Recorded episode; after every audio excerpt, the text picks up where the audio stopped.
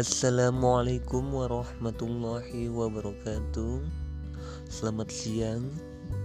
Selamat villa yang dirahmati Allah SWT. Saya Muhammad Habibi Podcast. Pada hari ini Hari pertama kali saya memulai menggunakan podcast. Di sini saya akan menceritakan tentang Jadikan hidupmu lebih baik. Nah, Sobat yang dirahmati Allah Bener nggak Sobat melihat sungai? Percaya deh kalau Sobat semua pasti udah sering melihat sungai ini kan? Tapi pernah nggak Sobat dapat pelajaran dari memperhatikan sungai tersebut? Nah Untuk itu Ada yang belum pernah dapat pelajaran kan sobat villa yang dirahmati Allah. Makanya sobat disimak ya apa yang saya sampaikan ini ya sobat. Nah kalau kita perhatikan dengan seksama ada banyak hal yang bakal kita jumpai di sekitar kita. Ketika kita mengamati sungai mulai dari warna airnya kedalamannya harusnya Terus apa yang melayang di airnya? Dan apa yang ada di dasar sungai tersebut? Dan masih banyak benda dan fenomena yang ada di sungai. Cobalah sobat perhatikan lebih detail lagi. Apa yang terjadi di sungai itu? Ada beda penampakan sesuatu yang hidup dengan sesuatu yang tidak hidup di dalam sungai itu? Misalnya kita contohkan ya, sobat.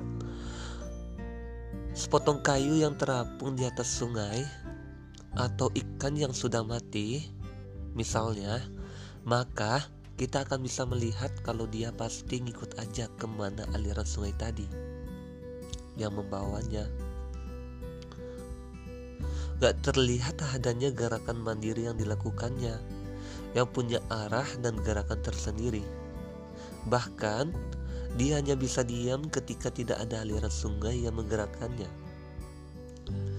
Demikian pula misalnya dengan batu yang ada di dalam dasar sungai. Dari hari ke hari, batu terse tersebut tetap aja pada posisi yang semula. Diam, tidak bergerak. Kalau tidak ada yang menggerakkannya, itulah penampakan sepotong kayu ikan mati, dan sebuah batu. Sesuatu yang mati alias tidak hidup.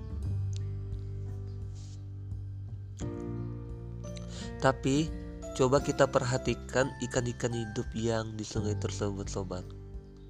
Sekalipun ikan kecil, ikan teri mungkin, tapi senantiasa kita melihat gerakan tertentu yang dia lakukan secara mandiri.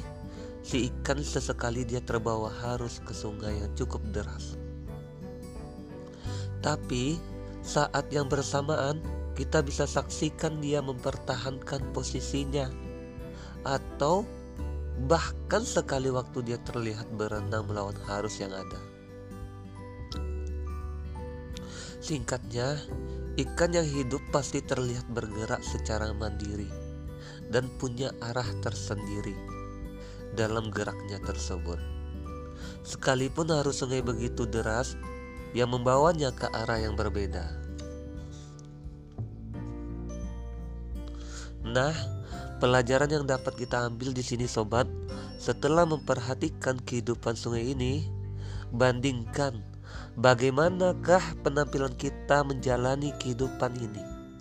Apakah memang udah penampilan seseorang yang hidup layaknya ikan hidup tadi ataukah sebenarnya kita hidup cuma tidak ada bedanya dengan sesuatu yang sudah mati Konkretnya, apakah selama ini kita udah menjalani hidup ini dengan senantiasa melakukan gerakan yang secara mandiri yang punya arah tertentu, punya tujuan tertentu sehingga gerak kita pun jadi tertentu?